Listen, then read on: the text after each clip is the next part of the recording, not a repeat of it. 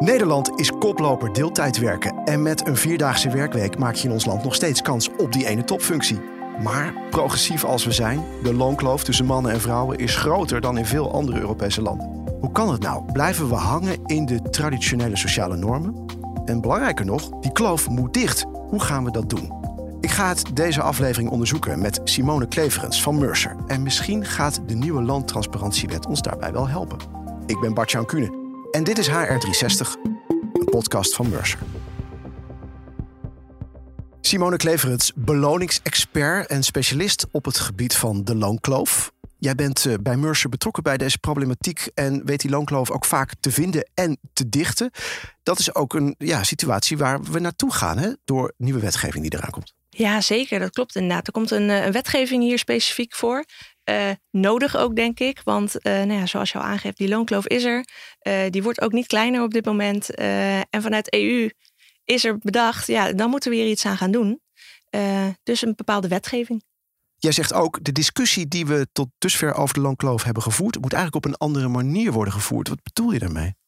Ja, dat zit hem een beetje in iets cijfermatigs. Uh, want er wordt gewoon veel discussie gevoerd over de cijfers die genoemd worden in het nieuws, in de talkshows. Het is een veel besproken onderwerp op dit moment. Het is enorm. Ben ik heel blij mee natuurlijk dat het een veel besproken onderwerp is. Uh, maar dan, ja, krijg je wel vaak discussies over die cijfers. Uh, dus laten we hem gewoon eens van breed naar, uh, naar klein. Uh, ja, laten we eens bovenaan die kloof gaan staan. Ja. Um, een behoorlijk percentage als je het nieuws en die talkshowtafels zo ja, volgt. Ja, en dan kan ik een bewijs van nog een beetje groter maken. Als je dus eerst eens begint met naar het, gewoon naar het jaarinkomen kijken. Het verschil tussen man en vrouw in jaarinkomen zit boven de 35 procent zelfs. Dat is niet een cijfer wat je vaak hoort. Uh, en dat is ook gelukkig, omdat daar dus heel vaak opgedoken wordt met die discussie over ja, maar vrouwen werken veel meer in deeltijd. Ja, dan is het ook logisch dat je minder uh, per jaar verdient. Dat, ja. uh, dat vind ik ook heel logisch. Dus je kan eigenlijk beter naar uurloon kijken. Dat is een veel eerlijkere vergelijker. Um, en daarin kom je dus op cijfers van een 13,5% voor Nederland. Uh, ter vergelijking, het Europese gemiddelde is 12, uh, iets boven de 12%. Dus nou, je gaf net aan in de introductie progressief land dat wij zijn. Nou, misschien zijn we hier eigenlijk helemaal niet zo progressief in, want we zijn dus vrij gemiddeld. Er zijn ongeveer evenveel Europese landen boven ons als onder ons. En dus ook inderdaad, uh, nou neem ons uh, buurland België, daar kunnen we zo meteen nog even op ingaan, zit daar een stuk onder. Terwijl wij toch redelijk gelijke landen, uh, staan dicht bij elkaar letterlijk en figuurlijk, gelijke landen zijn. Maar nog even terugkomend op Nederland, 13,5% gaf ik net aan. ook daar kan je nog best wel discussie over voeren.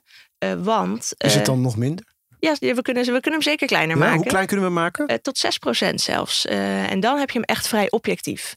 Uh, en, maar dus wel verder onverklaarbaar. en het verschil waar we het dan eens over hebben, dat zit hem in dat je dan bijvoorbeeld echt gaat kijken naar vergelijking tussen zit er dan wel de gelijke educatie in. Het kan natuurlijk zijn dat een man een hogere educatie heeft gevolgd dan een vrouw in een bepaalde functievergelijking. maar je gaat ook bijvoorbeeld kijken naar um, in welke sector werken ze dan is nou eenmaal zo uh, op dit moment dat er meer vrouwen in bepaalde sectoren werken die minder verdienen. Uh, kijk naar de zorg, kijk naar het onderwijs. En dat mannen vaker geneigd zijn om bijvoorbeeld naar die financiële sector te neigen of naar de IT. Dat is op dit moment een beter betaalde sector. Dus ook daar zie je verschil. Uh, mannen hebben, en dat is een, een, hele andere discussie over instroom, doorstroom en vooral promotie binnen je bedrijf. Maar mannen hebben vaker een leidinggevende functie dan vrouwen. En tegenover een leidinggevende functie staat vaker een hoger salaris. Dus ook dat soort dingen verklaren die kloof. Als je dat dus allemaal daarbuiten laat, dan kom je naar de gecorrigeerde loonkloof, heet dat dan zo mooi. En dan hou je 6% over. 6% verschil tussen man en vrouw die niet objectief te verklaren is. Ja, of het nou 35, 40, 13 of 6% is, er is een kloof. Ja. En die moet dicht, zeg jij. Is zeker. En dat ja. zeg jij niet alleen. Nee, dat zeg ik zeker niet alleen. Gelukkig heb ik dus nu de EU-commissie achter me staan. Uh, die dus heeft aangegeven, ja, dit is een probleem. Wij moeten hier wat mee. En wat gaan ze doen? Ja, laten we dat dus in ieder geval aanpakken met uh, richtlijnen vanuit de EU. Waar alle landen zich aan moeten gaan houden. Um, dat gaat uh, eigenlijk twee aspecten hebben, die, die wetgeving. hij heet zo mooi de EU-richtlijn op het gebied van loontransparantie en gelijke betaling. Twee onderwerpen. Loontransparantie houdt in dat bedrijven openheid zullen moeten gaan geven over hun salarissen. En dan wel in de brede zin salarisschalen. Ze hoeven niet van iedere medewerker gaan aan te geven wat het salaris is. Mm -hmm. Maar openheid over salarisschalen, dat begint al bij de sollicitatieprocedure. Dus een kandidaat heeft het recht om in te zien wat de salarisschaal voor die functie is. Waardoor een kandidaat, ofwel man ofwel vrouw, veel beter kan inschatten wat kan ik überhaupt vragen. Een werkgever mag zelf niet meer aan die kandidaat vragen wat ze nu verdienen. Dat maakt het ook gelijker. Dat gaat allemaal veranderen. En is nog een aspect, zeg jij? Ander aspect is rapportage. Bedrijven zullen moeten gaan rapporteren over de loonkloof binnen het bedrijf. Um, dan kijk je weer naar dat getal wat uh, richting die 13% die vergelijking gaat. Dat is de eerste kant waar ze naar moeten kijken. Uh, dus puur gewoon die man met die vrouw vergelijken binnen je bedrijf. En op wat voor getal kom je dan uit? Uh, uiteindelijk, als dat boven een bepaald percentage is, 5% is daar nu opgezet, zal je ook echt een deep dive moeten gaan maken binnen je bedrijf. Dat mag je voor nu intern houden. Dus dat eerste moet naar de buitenwereld. gewoon puur die eerste vergelijking. Uh, die deep dive, dat is meer voor intern uh, gebruik. Um, maar als dat weer boven een bepaald percentage gaat, dan moet je daar wel wat aan doen. Dat wordt wel van je verwacht als bedrijf. Dan moet je die gaan dichten, die kloof. Wetgeving met verstrekkende gevolgen voor werkgevers. Die Ja. moeten daar dus op handelen. Ja. Ehm, dat is ook de reden dat jij hier te gast bent. Want je bent daar eigenlijk dagelijks mee bezig. Wat tref je aan bij bedrijven? Ja, dat verschilt heel erg per bedrijf. Eh, het ene bedrijf is hier überhaupt nog niet bekend mee dat dit gaat gebeuren. Dus daar komt het als een grote verrassing voor. Eh, zijn hier dus ook niet op voorbereid. Eh, verschilt een beetje per bedrijf of ze dan wel als salarisschalen hebben. Eh, en of sommige bedrijven al wel wat openheid daarover geven. Sommige bedrijven nog helemaal niet. Dus dan moeten we echt het gesprek gaan voeren over. Ga je functiehuis opstellen? Ga salaris op, eh, huis, eh, salarisschalen opstellen? En hoe ga je daarover communiceren? Dat is natuurlijk ook een grote vraag, want je kan het wel allemaal neerzetten. Maar hoe ga je de boodschap dan ook brengen? Maar we komen voornamelijk gelukkig bij bedrijven tegen die dat op orde hebben. Dus dan heb je wel de hele set aan data. Die gegevens ge- kunnen geanalyseerd worden. En daaruit kan je dan opmaken wat de kloof is binnen het bedrijf. Ja, zometeen hoor je wat je concreet kunt doen zelf om die loonkloof eh, te dichten. Niet eens meer te overbruggen. We hebben het echt over het dichten van die kloof. Ehm, welke gevolgen heeft het als een werkgever zich niet voorbereidt op deze eh, wet die eraan komt? Ja, uiteindelijk vanuit EU zullen er sancties komen. Als je, hier, eh, als je dit negeert, dan, eh, dan komen er boetes. Eh, maar ik denk ook dat dat echt niet nodig is. Je hoeft niet naar zo'n situatie. Want uiteindelijk moet je als bedrijf openheid geven. En dat kunnen bedrijven echt wel. Dat, dat, is niet, de, dat is uiteindelijk niet de moeilijkheid. Maar je moet het wel gaan doen.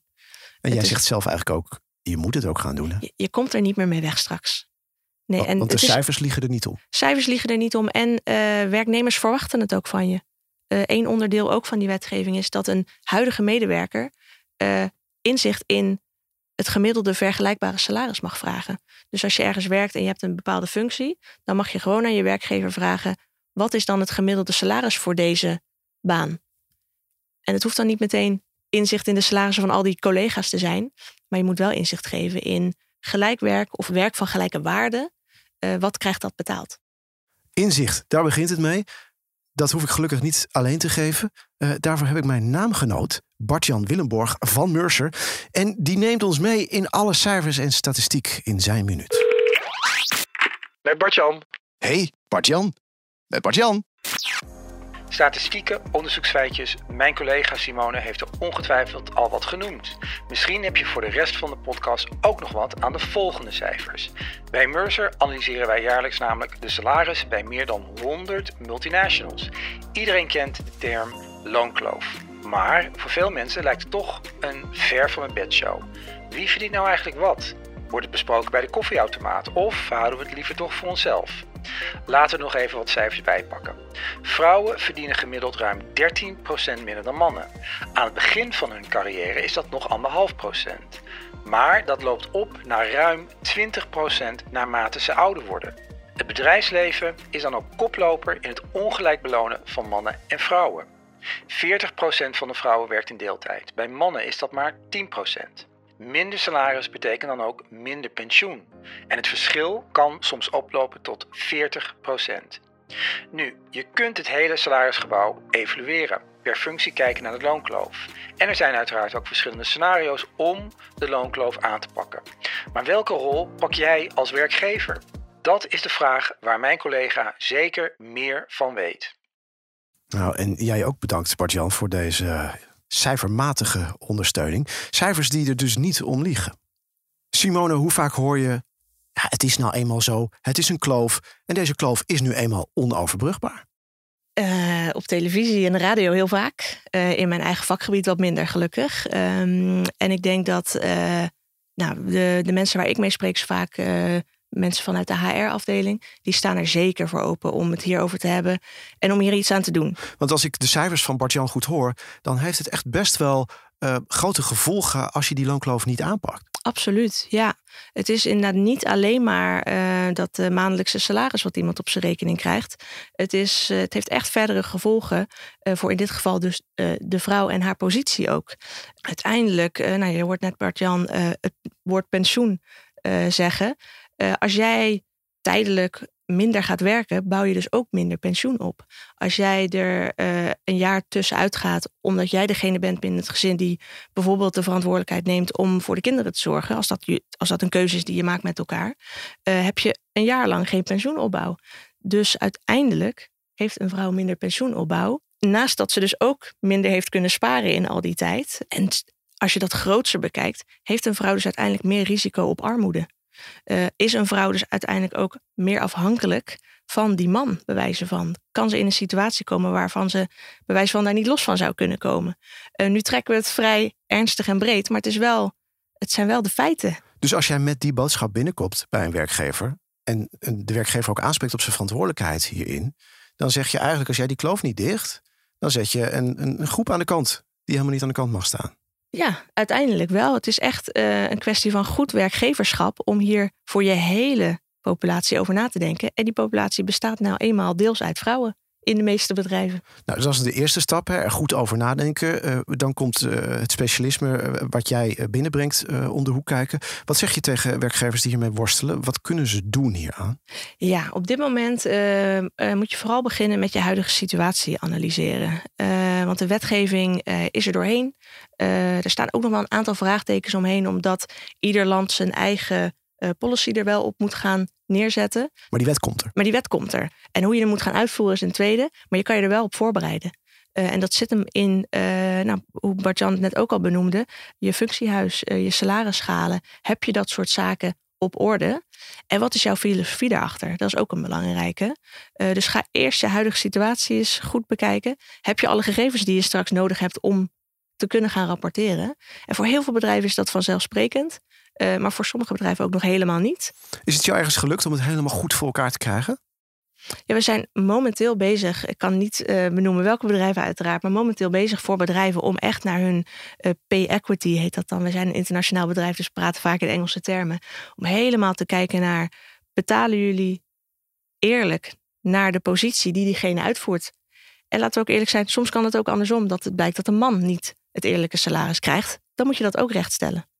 Dus je hebt dat soort concrete voorbeelden al aangepakt. Ja, zeker. En daarin zie je dan bijvoorbeeld dat een bedrijf uh, een percentage in het hoofd heeft wat het wil bereiken. De wetgeving gaat straks een eh, percentage zeggen wat het moet zijn.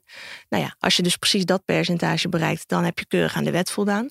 Gelukkig werk ik nu met een bedrijf samen wat zegt: nee, maar wij willen echt voorloper hierin zijn. Dus wij vinden dat het maximaal dit mag zijn. Uh, eh, 1% bijvoorbeeld heeft, uh, heeft dit bedrijf. Uh, neem ons daar eens wat meer in mee. Welke stappen zet dat bedrijf om voorloper te zijn hierin? Ja, dus in eerste instantie analyseren van de gegevens. Dus echt je situatie bekijken. Nou, dan komt daar bijvoorbeeld uit dat het op die afdeling goed zit, op die afdeling niet. Of zelfs landelijk, in dat land zit het goed en in dat land zit het niet goed. En dan ga je daar een soort deep dive in maken om te kijken waar ligt dat dan. En dan een, een plan van verbetering opstellen. Dus daadwerkelijk salarissen gaan aanpassen. En dit klinkt veel eenvoudiger dan het is. is hè? Zeker, zeker. Wat is er uh, nog meer voor nodig dan een planmatige aanpak? Gaat het ook over cultuurverandering? Absoluut, ja. Het begint natuurlijk eigenlijk ook al bij het opleiden van je medewerkers en vooral dan de managers, om het even zo te zeggen. Uh, en je HR recruitment afdeling. Uh, door het op de juiste manier aannemen van mensen. Dus dat je al begint met de basis van dat het salaris gewoon klopt. Uh, maar je hebt natuurlijk ook te maken met medewerkers die al jarenlang werken voor een bedrijf. Ook daar moet je naar kijken. En, en het recht trekken als het niet juist is. Recht trekken. Ik weet door eh, de presentatie van deze podcastserie dat Mercer veel werkt met data. Dus jullie kunnen uit jullie data ook leren wat voor effect uh, bepaalde stappen die jullie zetten uh, met zich meebrengen. Wat zie je op het moment dat jij een bedrijf dit voor elkaar hebt gekregen? Wat levert het zo op? Ja, nou dan kom je eigenlijk terug op uh, een beetje ook die storyline waar we het net over hadden. Van waarom doet het bedrijf dit? Als een bedrijf het voor wetgeving doet, dan, nou, dan levert het ze op dat ze aanspraak kunnen maken op een certificaat. Bijvoorbeeld een EU-certificaat. Dan krijg je een mooie stempel op je bedrijf van wij voldoen hier aan. Kun je op meerdere manieren gebruiken. Je marketing, kan je op meerdere manieren gebruiken. Absoluut. Um, maar als je het nou iets verder trekt, dat je denkt van nou wij willen hier inderdaad wat meer koploper in zijn, dan is het een hele mooie marketingstrategie bijvoorbeeld om er ook mee naar buiten te trekken. Uh, omdat we het ook vaak binnen Mercer over een heel ander onderwerp hebben. De war on talent op dit moment. Uh, de werknemer is echt in charge. En, en heeft de kans om te kiezen voor wie die gaat werken. Uh, als iedereen hetzelfde salaris biedt, ja, kies je dan misschien wel voor dat bedrijf wat eerlijk, eerlijkere keuzes maakt. Het klinkt bijna ook een beetje als laaghangend fruit. Je zou toch zeggen, als je naar, daar, daar buiten toe duidelijk maakt dat iedereen gewoon krijgt waar hij recht op heeft. Of je nou man, vrouw, uh, waar dan ook vandaan komt. Ja, laaghangend fruit, maar wel eentje die investering vraagt. Want je moet wel iets rechtzetten. En dat rechtzetten. Het, dat, het, uh... nou ja, rechtzetten is niet vaak uh, dat je de man naar beneden gaat trekken in zijn salaris. Rechtzetten is dan vaak nu wel dat de vrouwen gecompenseerd uh, zullen moeten worden. En hoe je dat op de beste manier doet, daar, uh, daar heb jij een, uh, ja, een hele, hele tas vol mee. Zeker, met, uh, ja, zeker. Met, met methoden om dat te doen. Um, voor de luisteraars van deze podcast, um, we geven altijd drie punten mee. Ja. Die ze in ieder geval misschien nu al zouden kunnen toepassen. Of het dan gaat om een visie op het geheel of echt concrete stappen. Ja. Wat zou jij willen meegeven als het gaat om het dichten van die loonkloof en die loontransparantiewet die eraan zit te komen? Ja, begin bij de basis. Zet je huis op orde. ga zorgen voor een structuur, salarisschalen. Uh, zodat je dus ook wel inderdaad echt naar die transparantie kan. Uh, want je kan niet transparant zijn als, als het huis niet schoon is, om het zo te noemen. Uh, dus begin bij de basis. Ga kijken of je alle gegevens hebt en zet het in een goede structuur. Als tweede, ga echt nadenken over waarom je dit doet. Dat is echt een hele belangrijke. En er is niks mis mee met het dit doen puur voor de wetgeving. Dan ben je ook goed bezig. Maar denk erover na of dat is wat je wil doen. Of doe je het om bijvoorbeeld inderdaad je bedrijf in een mooier daglicht neer te zetten?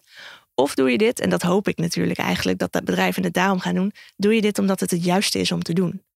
En wat het antwoord ook is, zorg in ieder geval dat je voor jezelf duidelijk hebt waarom je het doet, omdat je daar wel heel erg je keuzes op moet gaan baseren. En is dat een antwoord dat je zelf moet formuleren? Of kun je dat antwoord ook misschien wel uit je medewerkers zelf halen? Waarom je dit zou moeten doen? Zeker. Ja, ja dat, eh, er worden veel medewerkersonderzoeken ook naar gedaan. En als jij uiteindelijk uit die onderzoek, als daaruit blijkt dat jouw medewerkers dit helemaal niet belangrijk vinden, ja, dan kan je gewoon bijvoorbeeld ervoor kiezen om aan, de wetgeving te voldoen.